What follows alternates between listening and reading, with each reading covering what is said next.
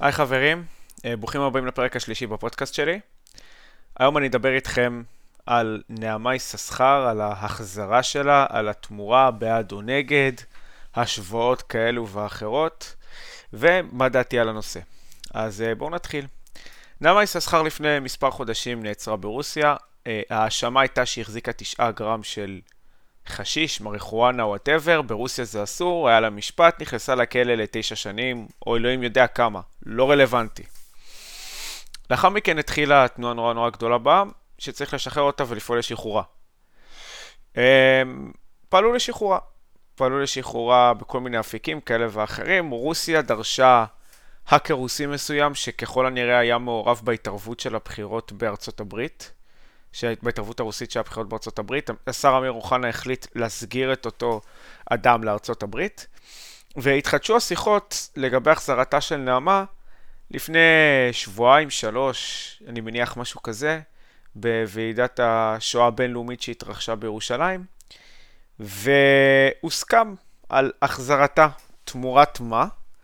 תמורת שטחים של איזושהי כנסייה רוסית, ואם אני לא טועה גם מגרש הרוסים.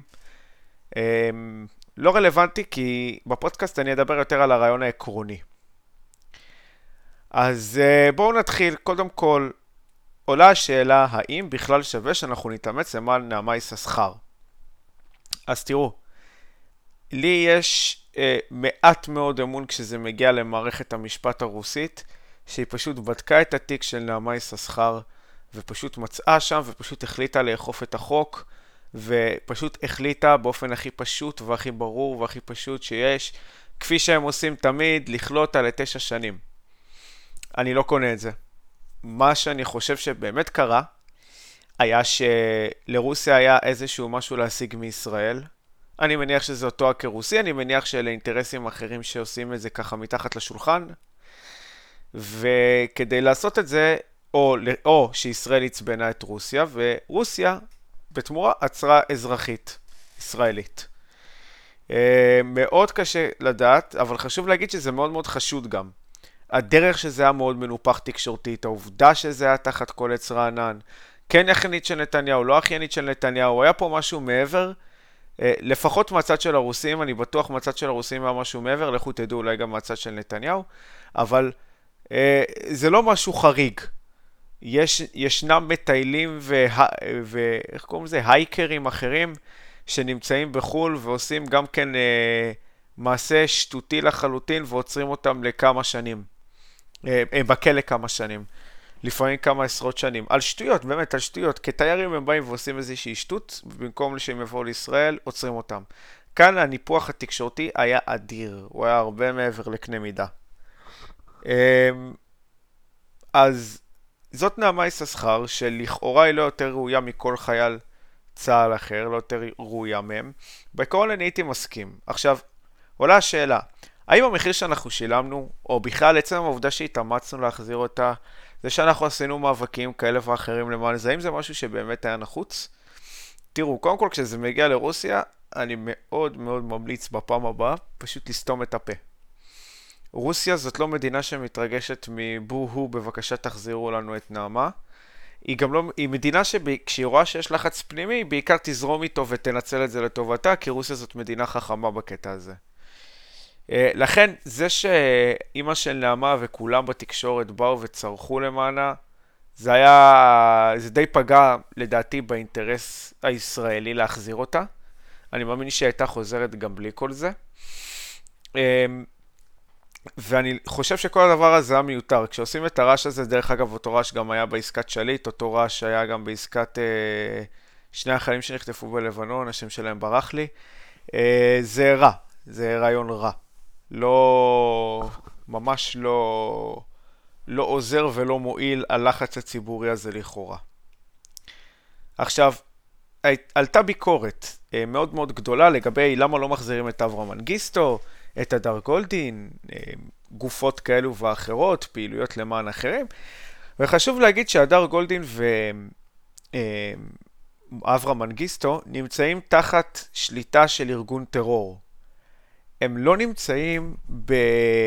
עם איזשהו אדם נורמלי, עם איזושהי מדינה נורמלית, מישהו שיש איתו קשר דיפלומטי, קשר כזה או אחר. הם נמצאים אצל חמאס. אה, חמאס הוא ארגון טרור, המטרה שלו זה לפגוע בישראל, הם לא סובלים אותנו בשום צורה ודרך, המטרה שלהם זה להשמיד אותנו, וכל רצון לשחרר אותם יעלה אחר כך בחיים נוספים. ואם יש משהו שהתנגדתי אליו בתקופת נתניהו, אני מתנגד אליו גם עכשיו, אני אתנגד אליו גם בעתיד, והתנגדתי עוד כשזה קרה, זה היה עסקת שליט. בעסקת שליט אנחנו שחררנו אלף ומשהו מחבלים תמורת שליט. עכשיו, דמו של שליט לא יותר אדום מדם של אף אחד שדמו נשפך לאחר מכן. כי לא מעט אנשים מתו לאחר ששליט שוחרר על ידי המחבלים ששוחררו למען שליט. זאת אומרת, אנחנו שחררנו מחבלים, החזרנו אותו ארצה, ותנחשו מה קרה? מתו אנשים כתוצאה מזה, כי נתנו לטרוריסטים יותר להסתובב בחוץ. לכן ההשוואה הזאת היא מאוד מאוד לא תקפה. ההשוואה שצריכה להיות זה למה אתה פועל למען מטיילת שחזרה מהודו דרך אה, רוסיה ואתה לא דואג לאיזשהו מישהו שבתאילנד ונמצא שם בכלא, או מישהו שנמצא ביפן, או מישהו שנמצא בארצות הברית. זה לא משנה איפה האנשים האלה נמצאים, למה אתה לא דואג לתיירים האלה והאלה והאלה. זאת תהיה שאלה לגיטימית, ואגב, באמת צריך לבוא ולשאול אותה, למה נתניהו דואג דווקא לדבר הזה? אגב, התשובה זה לחץ תקשורתי, באותה מידה בדיוק. גם היריבים הפוליטיים של נתניהו לא עניין אותם, ולו לשנייה אחת, אה, איזשהו בן אדם אחר שנמצא בגולה ושאסרו אותו. אה, אגב, קשה מאוד להגיד, כאילו, קשה מאוד שלא להבין אותם. ולמה אני אומר את זה? כי כל אותם אנשים שהם, אה, כל אותם אנשים, שנמצאים כרגע באותו כלא, אין מאחוריהם לחץ תקשורתי כל כך אדיר, ואצל רוב הפוליטיקאים, אם לא יהיה לחץ אדיר, הם לא באמת יעשו עם זה משהו. קשה להאשים את נתניהו על זה, אגב, קשה להאשים את גנץ או כל אחד אחר על זה, אבל חשוב לבוא ולהעלות את הנקודה הזאת. אם עושים את ה-what aboutism הזה, אז uh, צריך לפחות לעשות אותו באופן ראוי. לא באופן שמשווה אותו להדר גולדין ולאברהם מנגיסטו. עכשיו, ישר, יש הרבה אנשים שאומרים, אה, היא מסוממת, או... וואי, החזיקה כולה 9 גרם, מה הבעיה שלכם? וכאילו איזשהו פינג פונג לגבי הדבר הזה, ועל זה אני אגיד שכל זה לא רלוונטי. ולמה זה לא רלוונטי? כי אני בטוח וסבור בכמעט ודאות מוחלטת, ואני הייתי, אני הייתי שם גם כסף על זה, ואני הייתי מהמר על זה אם, אם, אם חיי היו תלויים בכך, שיש אינטרס נסתר מאחורי זה, ושזה ממש לא קשור למערכת אכיפה הרוסית, וזה ממש לא קשור לתשע גרם שהיא לקחה עליה. זה ממש ממש לא קשור. אני פשוט חושב שהיא השעיר לעזאזל והקורבן שנקלע בין הפטיש לסדן, אמ, וזה הסיפור שלה. אה, אני לא חושב שמדינת ישראל צריכה להיכנע, אבל אני חושב שהמחיר שהיא שילמה גבוה מדי. אגב, בהקשר למחיר, ישראל נתנה שטח וחצי של כלום ושום דבר לרוסים, שכאילו, היה, היו גם ככה רשומים בטאבו הישראלי על שמם. זה היה, אמ, אה, כאילו, זה היה נתינה מאוד מאוד מאוד מתונה למענה. אגב, באופן עקרוני, אני נגד נתינה כזאת, אבל לא מדובר פה באיזשהו משהו שהוא יותר מדי גדול. זה כמובן מה שאנחנו יודעים מהשטח, אני לא יודע מה היה מתחת לפני השטח. לכו תדעו איזה, אילו דברים היו מתחת לפני השטח, אני לא רוצה סתם להיות ספקולטיבי, אמ, כי להריץ אה, תיאוריות קונספירציות של אזור 51 אנחנו יכולים כל היום, אבל ממה שאנחנו ראינו, המחיר ששילמו למען נעמה יששכר היה בין מינורי ללא קיים. באמת, כאילו, אפס משמעות, זה לא שהם... לא, לא נפגע אף אחד מהדבר הזה. לעומת זאת, הסגרת האקר הרוסי, אם היינו מסגירים את האקר הרוסי למענה, היה, היה סיכוי מאוד גדול שזה היה פוגע ביחסים שלנו עם ארצות הברית. ולמה אני אומר את זה? כי בארצות הברית יש בעיה, אה, לא בעיה, יש איזשהו שיח נורא נורא רגיש בכל מה שקשור להתערבות בבחירות.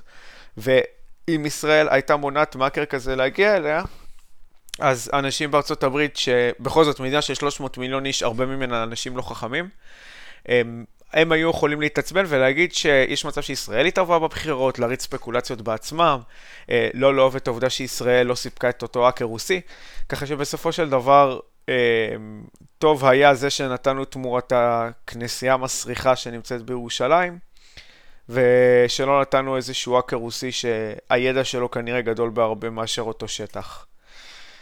ובגדול מה שאנחנו רואים פה זה בעיקר צביעות של השמאל, צביעות של uh, אנשים שמצביעים לכחול לבן. Um, אופירה אסייג, שבעיניי היא זאת שמייצגת יותר מכולם את כחול לבן, והסיבה שאני חושב שהיא מייצגת את, uh, יותר מכולם את כחול לבן זה כי היא טיפשה לחלוטין. היא באה ואמרה, נתניהו, אם אתה כל כך מסוגל, בוא נראה אותך משחרר את נעמה יששכר. עכשיו, באופן נורא נורא דמגוגי וטיפשי, כפי שאופירה אסייג בדרך כלל מתבטאת, אה, היא הציגה פחות או יותר את העמדה שהייתה נורא רווחת בעיני רק לא ביביסטים. הנה אדון נתניהו, אם אתה כזה גבר, ואם אתה כל כך יודע לעשות את הדברים האלה, בוא נראה אותך עושה את זה. ואגב, הוא עשה את זה. אני הייתי נגד זה שהוא יעשה את זה, אני חושב שיש עוד הרבה אחרים, בעיקר בימין, שנגד זה שהוא יעשה את זה. וישר, מה שקרה זה שתי דברים. אחד, גנץ לקח על זה קרדיט. Um, הוא לא לקח על זה קרדיט מלא, אבל הוא אמר, אנחנו פעלנו עם המשפחה, פעלנו באפיקים אחרים, עשינו ככה, עשינו ככה, לא היה לו נברא. Uh, אימה של נעמה יששכר אמרה, מי פעל, למה פעל, כמה פעל ואיך פעל. אגב, גם ליברמן. אה, חביב, אה, שמנסה לפחות להתיימר להיות חביב הרוסים, לא, לא פעל למען נעמה יששכר. ודבר שני, אנחנו ראינו הרבה אנשים אומרים, אה, למה אתה מבצע את העסקה הזאת? למה אתה מבצע את העסקה הזאת? זה היה בקרב אנשים שיותר מהשמאל. אה, הימין עשה וואטה באוטיזם, השמאל עשה למה אתה בכלל מבצע את העסקה הזאת, ואנשים שתומכים בגנץ פחות או יותר מנסים לזקף לו את הקרדיט. אגב, מביך. באמת, מביך מאוד. כהרגלו של גנץ הוא גוש של קרינג' מהלך. הבן אדם הזה, אמ, אין לו מושג מה הוא עושה. הוא, רואים את זה אמ, באופן מאוד מאוד מאוד בולט.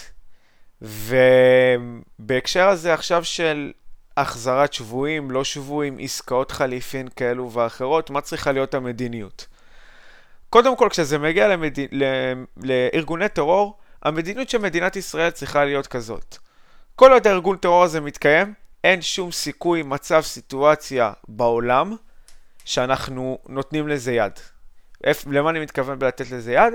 אני מתכוון לתת יד במובן של אה, לבצע איתם משא ומתן כזה או אחר, אפילו לא ליצור איתם אפיק התקשרות שקשור לנושא הזה. לא, לא דנים, אה, לא, לא דנים לגבי החזרה של שבויים, לא דנים על זה. אה, אם, אם יש איזשהו רצון של חמאס לבצע נורמליזציה כפי שהם מנסים לעשות בשנים האחרונות, אין בעיה, רוצים נורמליזציה, קודם כל תשחררו את השבויים, אחר כך נתחיל משא ומתן, או אה, leverage כזה או אחר. אה, אני לא זוכר איך אומרים leverage בעברית, עמדה בכירה, עמדה יותר חזקה, כזאת או אחרת. אה, זה הדבר הראשון. דבר שני, כשזה מגיע לבן אדם שכלוא במדינת אחרת, במדינה אחרת, אני כן חושב שזה אחריות של המדינה שלי לבוא ולדאוג לזכויות שלי. אני כן חושב שמדינת ישראל צריכה ליצור איזשהו אפיק עם איזשהו גורם כזה או אחר. אני כן חושב שהמחיר צריך להיות מאוד מאוד מינורי. אני חושב שזה צריך להיות משהו בסגנון זה שהיא תשב בכלא, אבל במדינת ישראל... אה, אם היא מסכימה לכך, שזה משהו שהיה, אם אני לא טועה, אה, בתאילנד, במקרים של אנשים שנעצרו בתאילנד או הורשעו בתאילנד. אה, יש הרבה, לא הרבה, ישנם אנשים, אני, אני לא בטוח אם זה נכון, אני קראתי על זה ב-2011 פעם אחרונה, ככה שעברו מאז תשע שנים, אז תסלחו לי על הזיכרון, אבל אם אני לא טועה, אפשר, אם מקבלים הרשעה בחו"ל, אז משרד המשפטים יכול לארגן איזשהו ארגון שהבן אדם הזה... אה, יקבל את העונש שלו בישראל וירצה אותו בישראל, שזה אני חושב צעד אה, לא נהדר, כי בכל זאת בן אדם בכלא, אבל הוא פחות גרוע מהאלטרנטיבה של להיות בכלא במדינת עולם שני או שלישי, שאלוהים יודע מה עושים שם לאסירים. אני חושב שדבר נוסף שאנחנו צריכים לפעול בדבר הזה זה לא לשלם מחיר שהוא גבוה מדי. אה, כנסייה רוסית מסריחה זה בעיניי לא מחיר גבוה מדי. אני עדיין לא מברך את ההתנהלות של נתניהו בנושא, כי נתניהו היה צריך לבוא ולדאוג לשקט תעשייתי כמה שיותר, להשתיק את כל הגורמים הנוגעים בכך, אבל uh, אני לא חושב שהמחיר ששילמו עליה היה מחיר גבוה מדי. Uh, אני חושב שעקרונית אנחנו ממש לא צריכים לשלם מחיר, uh, אבל אני לא חושב שהמחיר שאנחנו שילמנו היה מחיר uh, גבוה מדי. עכשיו, um, חשוב לזכור שישנן מדינות גרועות יותר שמבצעות דברים גרועים יותר למעצמות גדולות יותר, כמו המקרה של, אה, איך קראו לו? אוטו, וריימבייר, ורמבייר, אני לא יודע איך להגיד את השם שלו, בן אדם שנכלא בצפון קוריאה. אמ, הוא נכלא בצפון קוריאה על זה שהוא הוריד חפץ כך שהוא יהיה מתחת לתמונה של הנשיא, או הוריד את התמונה של הנשיא ככה שזה יהיה מתחת לגובה שלו. הוא נכלא, הוא עונה די קשה. אמ, וזה היה נוראי לראות את הדבר הזה. אה, כשהוא חזר הוא מת תוך כמה שבועות ממוות מוחים, אני לא טועה. אני לא זוכר איך קראו למקרה שקרה לו. אבל בכל מה שקשור לנעמה יששכר, וזה משהו שגם חבר שלי רשם, חשוב לזכור משהו, היא אחת ממאות, מאלפים, מהמון המון ישראלים שנמצאים בחו"ל, נקלעו בחו"ל, על עבירות שטותיות למשך המון המון שנים בעונשים דרכוניים. אה, זה משהו שקורה, דרקוניים, זה משהו שקורה בהמון מדינות לא דמוקרטיות או דמוקרטיות למחצה. זה דבר שקורה בתאילנד, זה דבר שקורה ברוסיה, זה דבר שקורה בהודו, זה דבר שקורה בכל אותן מדינות. נותנים עונש מאוד מאוד שרירותי להמון המון שנים. ואני חושב שאם נלחמים למען נעמה יששכר, אז מן הראוי לבוא ולהציב את זה גם בפני... לא להציב, לבצע איזשהו משהו דומה גם למען אנשים אחרים. זאת אומרת, דין נעמה יששכר כדין כל אחד אחר. אה, לבוא ולפעול באפיקים הדיפלומטיים הנכונים, לדאוג לאנשים אחרים. אבל בהקשר של החיילים, בהקשר של אורון שאול, של אה, אברהם מנגיסטו או של ירדן גולדין, שללא ספק הסיפור שלהם מאוד מאוד כואב, אנחנו כן צריכים לפעול להחזיר אותם. אנחנו לא צריכים לפעול להחזיר אותם במישור דיפלומטי או, או במישור של לוותר. כי אנחנו ויתרנו תמורת נעמה יששכר, אנחנו ויתרנו על דברים מאוד מאוד מינוריים. חשוב לזכור, שטח של כנסייה, אוקיי? שטח של כנסייה בירושלים. ועוד הדר גולדין וירדן, אה, אה, הדר גולדין ואורון שאול ואברהם מנגיסטו, כנראה שהמחיר יהיה יקר בהרבה. מחיר שעלול לפגוע בביטחון של מדינת ישראל. אני בספק אם כאן קרה איזושהי פגיעה בביטחון של מדינת ישראל, אבל אני לא אהיה מופתע אם עוד כמה שנים נגלה שהיה כאן איזה משהו מתחת לשולחן. אז זה לגבי העניין הזה של נעמה יששכר, וככה סייפה בנוגע של עסקת שליט. תראו, התקשורת באותה תקופה והקונצנזוס בעם היה שצריך לבצע את עסקת שליט. הפעילו לחץ תחת כל עץ רענן. ביצעו עשרות ומאות ואלפי אה, הפגנות, פעילויות כאלו ואחרות, לעיתים בבתי ספר, תחת מערכת החינוך, להחזרתו של שליט. הופעל לחץ ציבורי אדיר, אחד מהקמפיינים הכי גדולים בהיסטוריה. אה, אחד מהלחצים הציבוריים הכי גדולים בהיסטוריה, לפחות ממה שאני ראיתי. והדבר הזה לא השתלם, כי גלעד שליט היה חייל של נרדם בטנק, אה, למיטב ידיעתי הוא נרדם בטנק, ואחר כך חטפו אותו. ואחרי שהוא נחטף, והסיפור הזה גם כן מאוד מאוד מצער, אנחנו לא צריכים לבוא ולפעול למען הביטחון שלו על חשבון הביטחון של שאר אזרחי המדינה. וזה בדיוק מה שאנחנו עשינו, זה בדיוק מה שעשינו כשאנחנו הסכמנו לעסקה הזאת, כשנתניהו הסכים לעסקה הזאת, שזאת הייתה עסקה מאוד מאוד מאוד גרועה. אמ, אבל אני כן רוצה לציין שבכל הסיפור הזה, אם יש משהו אחד אה, טיפה... הייתי אומר, לא, לא קיצ'י, נדוש. דבר אחד שהוא מאוד מאוד נדוש אה, בעיניי אה, קורה פה, זה שאנחנו כן נבוא ונפעל באחוזי אמוק עבור כל אחד מעמנו, אה, שזה בערך מה שקרה כאן. הלחץ הציבורי שעובד במדינת ישראל זה לא לחץ ציבורי שמגיע לחצי ואלפית כשיש לך אזרחים כשבמדינות אחרות אני לא חושב שיש את אותה ערבות הדדית. יחד עם זאת, עסקת שליט לדורותיה פגעה בנו. היא פגעה לנו בביטחון, היא החזירה הרבה אנשים שהיוו חלק מתשתית הטרור בחזרה לעזה. אמ, בחזרה לא רק לעזה, אלא גם ליהודה ושומרון ולעיסוק בטרור. העסקה הזאת, לקרוא לה משתלמת, בושה וחרפה, ואני חושב שהעסקה הזאת לא הייתה צריכה להתבצע. מה כן היה צריך להתבצע? בכל מה שקשור לעזה, צה"ל היה צריך פשוט להיכנס בכל הכוח עד שמוצאים את שליט או מחלצים אותו.